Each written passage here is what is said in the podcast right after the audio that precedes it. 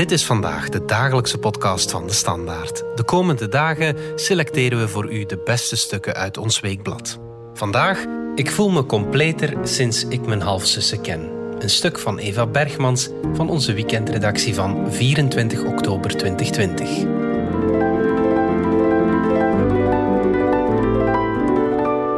Mijn naam is eh, Eva Bergmans. Ik eh, werk voor het weekblad van De Standaard. En uh, ik heb een stuk gemaakt over halfbroers en halfzussen die elkaar op latere leeftijd leren kennen. De aanleiding voor het stuk was de ontmoeting tussen koning Filip en prinses Delphine uh, begin oktober vorig jaar. Waarover ze nadien zelf zeiden van het was een warme ontmoeting. En we hebben gesproken over onze eigen levens en onze gemeenschappelijke interesses. Eh, de foto dat er toen bij stond was een beetje gek om te zien, want je zag zowel een beetje fysieke gelijkenis, maar dan en ook een soort vreugde omdat ze elkaar gezien hadden. Maar er was wel een afstand, ook al vanwege coronamaatregelen, neem ik aan.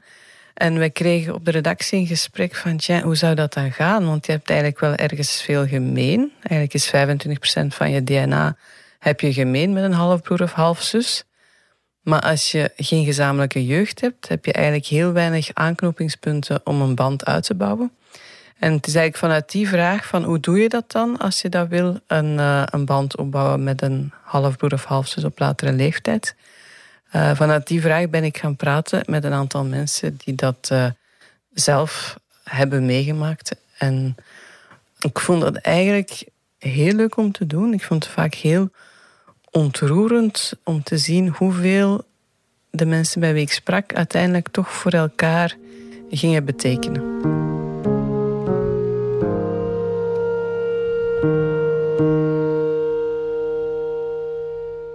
Na de foto van Philip en Delphine vroegen velen het zich af: hoe bouw je nog een band op?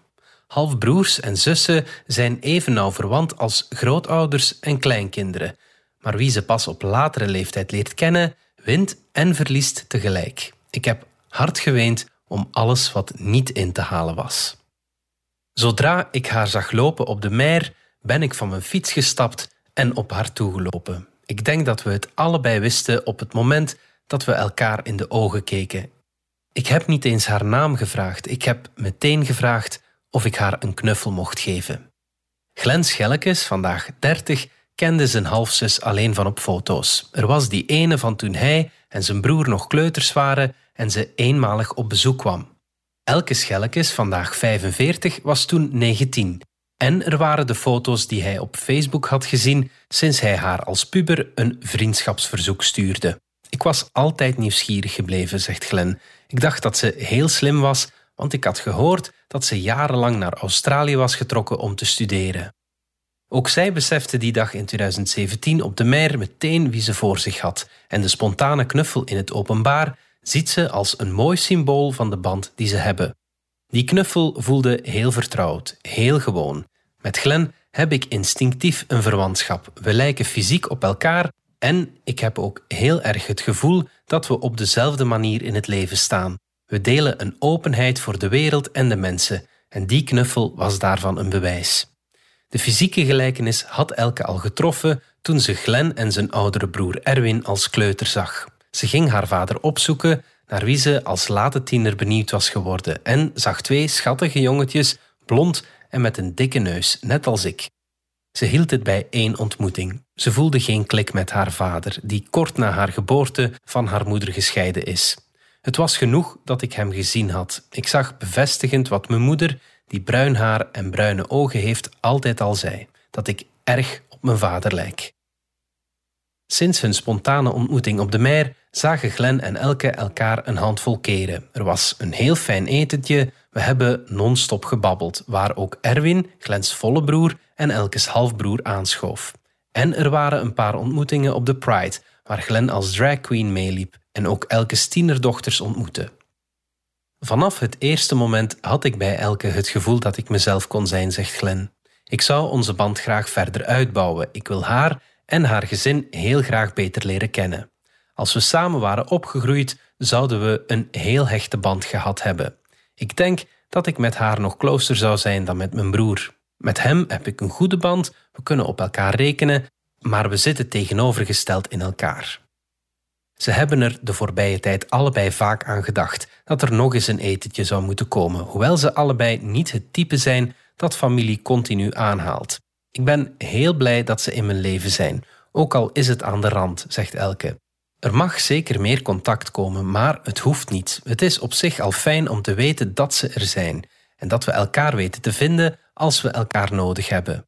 Mijn moeder is al vijf jaar dood. Mijn familie is niet groot. Dat die twee tot mijn stamboom behoren, maakt mijn familie voor mij tot een groter geheel. Ik heb drie broers en ik ben trots op alle drie. Ik voel me echt hun grote zus. Ze neemt het haar biologische vader niet kwalijk dat ze niet samen zijn opgegroeid. Het leven loopt zoals het loopt, zegt ze, en het heeft geen zin om je druk te maken over beslissingen die anderen nemen. Toch heeft het besef dat het ook anders had gekund haar doen nadenken over de meerwaarde van samen opgroeien. Toen mijn man en ik beslisten om pleegkinderen in huis te nemen en we de vraag kregen of het ineens twee broers mochten zijn, heeft de relatie met mijn halfbroers een rol gespeeld. Ook al zijn de praktische gevolgen van twee pleegkinderen niet min. We willen hen heel graag de meerwaarde bieden door hen samen te houden, zodat ze ook later altijd op elkaar kunnen terugvallen. Wel bloedverwantschap via één gedeelde ouder, maar geen gedeelde kindertijd. Dat is de paradoxale situatie van halfbroers en halfzussen die elkaar pas op latere leeftijd ontmoeten. Het is winst en gemis tegelijk. Je hebt er een bloedverwant bij, maar meteen is daar het besef van wat niet geweest is. Het was in het begin even aftasten waarover we konden praten, zegt Inke Daams, vandaag 49. Ze wist van het bestaan van Ebe Daams, 33, de dochter die haar vader met een jongere vrouw kreeg nadat hij en Inkes moeder uit elkaar waren gegaan. Je kunt niet terugvallen op vakanties die je als kind hebt gedaan of straffen die je samen hebt ondergaan nadat je iets uitgehaald had. We schelen natuurlijk ook 17 jaar. Echt samen ravotten hadden we allicht niet gedaan. Maar ik heb Ebe ook niet als baby gezien. Ze was 12 toen ik haar voor het eerst zag en toen was ik zelf al moeder. Ik ging toen uitzonderlijk nog een keer bij mijn vader op bezoek omdat hij zijn kleindochter wou zien. Ebe leek me een leuk kind en ik herinner me dat ik nadien een vaag schuldgevoel tegenover haar had, omdat ik haar wel beter wou leren kennen. De eerste keer dat ze zich echt zussen voelde was aan het sterfbed van hun vader in 2009. Er kwam geen groot gesprek van, maar wel een gevoel van wederzijdse steun en appreciatie. Ik heb daar veel aan gehad, gewoon omdat je er was, zegt Ebe. Ik denk dat het om de nabijheid ging, het gevoel dat er familie naast je staat. Ik herinner me ook dat je me toen getroost hebt nadat een verpleger onvriendelijk tegen me was geweest.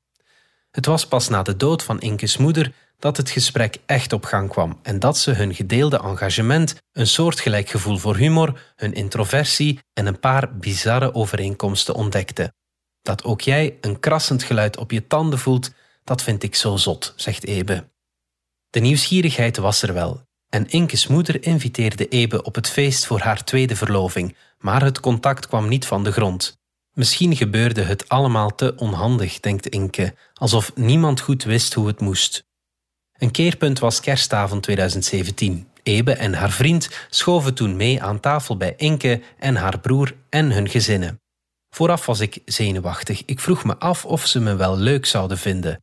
Ook al voelen we de verwantschap, het is niet zoals wanneer je samen opgroeit en niet anders kunt dan elkaar aanvaarden, met alle goede en slechte kanten. Nadien ben ik in de auto beginnen huilen. Ik denk dat het een soort van rouw was, om al die tijd dat we niet in elkaars leven geweest zijn. Het is niet dat ik haar bewust gemist heb, maar ik heb wel een beetje een eenzame kindertijd gehad. Samen kerstavond vieren is nu een vaste afspraak. En ook op de verjaardagsfeesten is Ebe er altijd. Ze is nu echt mijn zus, zegt Inke. Het is stom dat ze er zoveel niet geweest is, maar ik ben nu vooral blij dat ze er is. Ebe valt in. Ik ook. Ik zou jullie niet meer willen missen.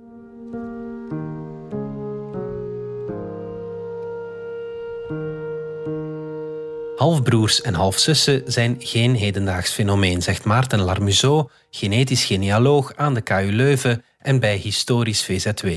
In de 19e eeuw duurde een derde van de huwelijken niet langer dan tien jaar. Niet omdat er zoveel gescheiden werd, Wel omdat een van de echtgenoten overleed. Massas mensen groeiden op met halfbroers en halfzussen.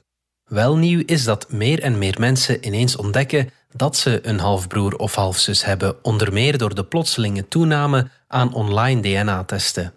Zo'n ontdekking brengt heel wat teweeg. Je mag daar niet lichtzinnig mee omspringen, zegt Larmusso. Die testen zouden eigenlijk met psychologische begeleiding moeten komen, want de impact kan heel existentieel zijn. Nog los van de vragen rond erfenissen, die mensen ook vaak bezighouden. Familierelaties raken aan de kern van wie je bent, van wat je plek in de wereld is. Een halfbroer of halfzus is even nauw met je verwant als een grootouder. Je hebt 25% DNA gemeenschappelijk. Het is een heel sterke band en die kan zich uiten in fysieke kenmerken, maar ook in gelijkenissen in karakter en temperament. Weten waar je vandaan komt is een kinderrecht. Weten wie je broers en zussen zijn en je halfbroers en halfzussen hoort daarbij. Dat vindt Caroline Vrijes van het Kinderrechtencommissariaat. Zij pleit al langer voor een contactrecht tussen broers en zussen en voor het recht om samen op te groeien, bijvoorbeeld als kinderen uit huis geplaatst worden. Je staat sterker als je een netwerk rondom je hebt, zegt ze. Iedereen die vermoedt dat er ergens op de wereld bloedverwanten rondlopen, raad ik aan om op zoek te gaan, zegt Pascal Hollevoet, 57. Voor hem kwam het als een opluchting toen hij als 14-jarige hoorde dat zijn vader niet zijn biologische vader was. Zijn moeder was nog voor het huwelijk zwanger geraakt en zijn biologische vader ging er vandoor terug naar Frankrijk. We schrijven jaren 60, een klein dorp in Vlaanderen. Een andere man werd bereid gevonden om te trouwen. Pascal noemde hem papa, maar groeide grotendeels bij zijn grootouders op. Dat de man die ik voor mijn vader aanzag eigenlijk mijn stiefvader was, verklaarde voor mij veel. Ik was benieuwd naar mijn biologische vader, zocht hem een keer op in het telefoonboek, reed eens voorbij zijn huis, maar pas toen ik eind de dertig was, heb ik contact met hem opgenomen. Toen kreeg ik er ineens drie halfzussen bij en een plusmoeder. De vrouw van mijn vader bleek heel lief, heel open. Mijn vader is intussen gestorven, maar met haar en mijn halfzussen heb ik nog altijd contact. Sinds ik weet waar ik vandaan kom en hen heb leren kennen, voel ik me completer. Zijn halfzussen zijn maar een paar jaar jonger dan hij en hebben intussen al twintig jaar een plek in Pascals leven, vanwege de afstand grotendeels via de sociale media, maar ze zien elkaar ook elk jaar een paar keer in levende lijven voor familiefeesten en af en toe een weekend.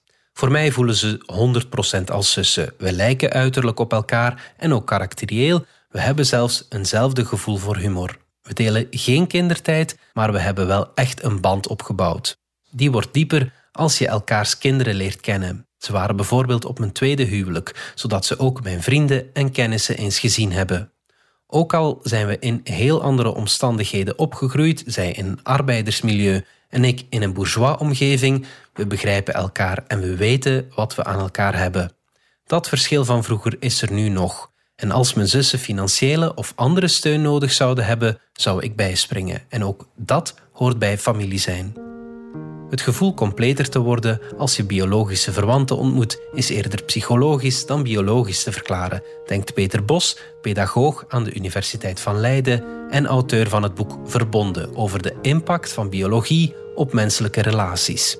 Mensen hebben het gevoel nodig dat ze ergens bij horen, zegt hij. Weten waar je vandaan komt helpt om je eigen leven te begrijpen. Als je niet met beide biologische ouders opgroeit, is de kans groter dat je je minder op je plek voelt. Zeker als je fysiek niet lijkt op de mensen bij wie je opgroeit.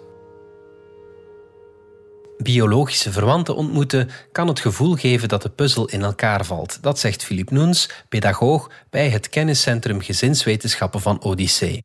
Zelfs als je van niets weet en als je ouderzaken achterhoudt, kun je als kind voelen dat er iets niet helemaal in de haak is.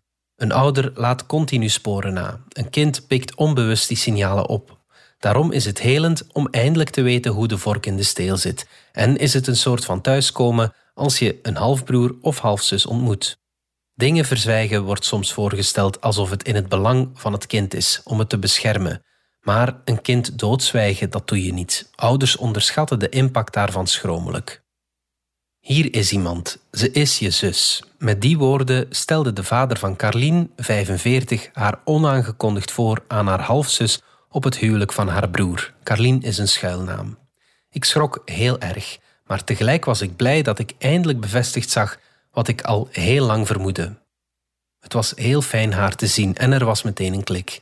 We lijken op elkaar meer dan mijn jongste zus en ik op elkaar lijken. We hebben dezelfde lichaamsbouw met proporties die in een klerenwinkel nooit lijken te kloppen.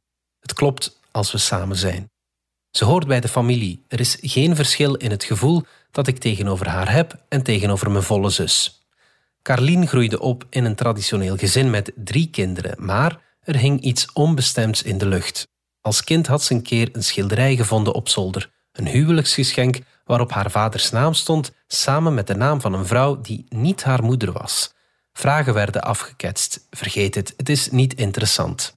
Haar vader zweeg. Tot nu wordt er niet gepraat over het verleden, over dat eerste huwelijk dat heel kort geduurd heeft en waaruit na de scheiding Gloria 51 geboren werd. Ook Gloria is een schuilnaam. Gloria groeide op als enig kind van een alleenstaande moeder. Over haar vader, die uit het zicht verdween na de babytijd, hoort ze niets dan slechts. Als puber belde ze hem één keer op, maar zijn weinig enthousiaste reactie kwetste haar zo erg dat ze besloot dat ze geen vader meer had. Pas jaren later, toen ze halfweg de dertig was en toevallig met een nicht in contact kwam, ontmoette ze haar vader en zijn tweede vrouw. Het trouwfeest van hun zoon werd haar herintroductie in de familie die ze als baby verloor. Dat was een roetsbaan van emoties, zegt ze. Al die onkels en tantes, er was zoveel warmte. Iedereen was zo blij dat de dochter, die nog ergens rondliep, er weer bij hoorde. Met mijn halfbroer en halfzussen was het alsof we elkaar altijd al kenden. Het is voor mij een echte familie. Ik heb zoveel gewonnen. Ik was dat niet gewend, familieliefde. Ik ben heel blij dat ik hen teruggevonden heb en ik wil ze niet meer verliezen. Carlien is minder vergevingsgezind tegenover haar vader. Hij heeft altijd de schone schijn willen ophouden, zoals de hele familie. Maar hier is met een mens omgegaan op een manier die niet hoort. De hele familie wist het, alleen wij niet. Geen van mijn onkels en tantes, die nu allemaal zo blij zijn dat het contact hersteld is, heeft mijn vader op zijn verantwoordelijkheid gewezen. Als hij nu één keer stoer was geweest en zijn kind bij ons thuis had uitgenodigd, was het allemaal gemakkelijker geweest. Dan hadden Gloria en ik ook gezamenlijke jeugdherinneringen gehad. Eén grote schaduw hangt er voor Gloria over haar blijdschap om de familie die ze 15 jaar geleden cadeau kreeg. Ze durft haar moeder niet te zeggen dat ze contact heeft met haar vader en zijn familie. De gunfactor, zo noemt Anja plus ouderconsulente en lifecoach, de generositeit die de betrokken ouders aan de dag moeten leggen om te faciliteren dat er een band groeit tussen halfbroers en halfzussen. Kinderen zullen altijd benieuwd zijn naar een halfbroer of halfzus en hem of haar willen leren kennen, zegt ze.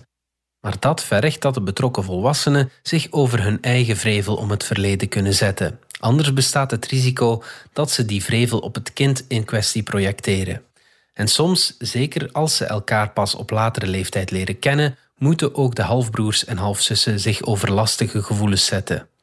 Stel dat je vader je moeder verliet voor een andere vrouw en met haar een kind heeft, dan kan er bijvoorbeeld jaloezie spelen omdat die halfbroer of halfzus wel voltijds met jouw vader is opgegroeid. Halfbroers en halfzussen komen in vele soorten, voorhuwelijks, buitenechtelijk, na scheidingen, via donorschap en de mogelijke angels en wolfijzers zijn al even divers. Het helpt als bovenop de band met de halfbroer of halfzus ook de band met de ouder hersteld wordt, zegt Philip Noens. Een aversie tegen de ouder kan een band in de weg zitten en de ouder loopt het risico dat de halfzussen en of broers een alliantie tegen hem of haar vormen. Het is ook in het belang van het kind zelf om een ouder niet af te wijzen, pakweg vanwege overspel of omdat er lang een kind verzwegen is. Als je een stuk van het gedrag van je ouders afwijst, zegt Anja Peru, dan wijs je ook een stuk van jezelf af. Door de afwijzing van het gedrag van je ouder stel je je niet open voor de gevoeligheid achter dat gedrag, terwijl er een grote kans is dat die gevoeligheden ook bij jou spelen. Je bent een deel van je ouders in hun volheid. Mijn vader is echt een heel speciale man, een beetje gek ook, zegt Yasmina Jelouli, 34. Haar ouders gingen uit elkaar toen ze vijf was. Een jaar of drie geleden heb ik besloten hem te omarmen zoals hij is. Hij is leuk en hij is goed met mensen als hij er zin in heeft. Maar hij is ook een eenzaad en hij gaat op een bizarre manier met relaties om. Ik heb het hem lang kwalijk genomen dat hij geen echte vader voor me was, dat hij maar aanwaaide zoals het hem uitkwam, of wachtte tot ik hem ging opzoeken. Maar het is zoals met iedereen die je graag ziet: je moet appreciëren wie ze zijn. Lange tijd dacht ze dat ze twee halfbroers had: eentje aan vaderskant, eentje aan moederskant, tot ze als 26-jarige op bezoek ging bij haar vader en hij zonder veel omhaal vertelde dat ze nog ergens een tienerbroer had. Ik was in shock. Ik had helemaal geen ruimte voor nog een broer. En ik had liefdesverdriet. Ik was mijn vader gaan opzoeken om te relaxen. Hij woont in de bergen in Peru. De twijfel of ze haar halfbroer wou ontmoeten viel in één klap weg toen ze een tijd later door een speling van het lot oog in oog met hem stond. Haar werkgever stuurde haar naar de school van haar broer om een workshop over beroepskeuzes te geven. Ik wist wie hij was, hij wist niet wie ik was. Het was alsof ik een versie van mezelf zag. Hij had het niet in de gaten, maar ik vond het heerlijk om zijn stem te horen, hem bezig te zien met zijn vrienden. Het was die dag mijn verjaardag en het voelde als een cadeau. Ze vroeg zijn moeder om een officiële ontmoeting. Het heeft even geduurd voor hij en zijn moeder me konden zien als een persoon los van mijn vader. Hij wou eerst ook niets over mijn vader horen, maar toen ik de familie van mijn vader in Parijs ging opzoeken, heb ik over hem verteld en omgekeerd. Mijn grootmoeder is zijn grootmoeder, mijn onkels zijn zijn onkels. En mijn halfbroer, die met zijn Belgische moeder vanuit Peru naar Brussel is verhuisd toen hij twee was, is ook zijn halfbroer. Ik vond dat hij hoorde te weten dat er veel familie zou zijn als hij wilde. Uiteindelijk zijn hij en zijn moeder mee met mij op bezoek gegaan bij mijn andere halfbroer en zijn moeder in Brussel. Dat was een prachtige dag en ik kon alleen maar besluiten mijn vader is een ramp met relaties, maar hij weet de moeders van zijn kinderen wel goed te kiezen. Drie prachtige, sterke vrouwen. De twee moeders van mijn halfbroers beschouw ik als vriendinnen.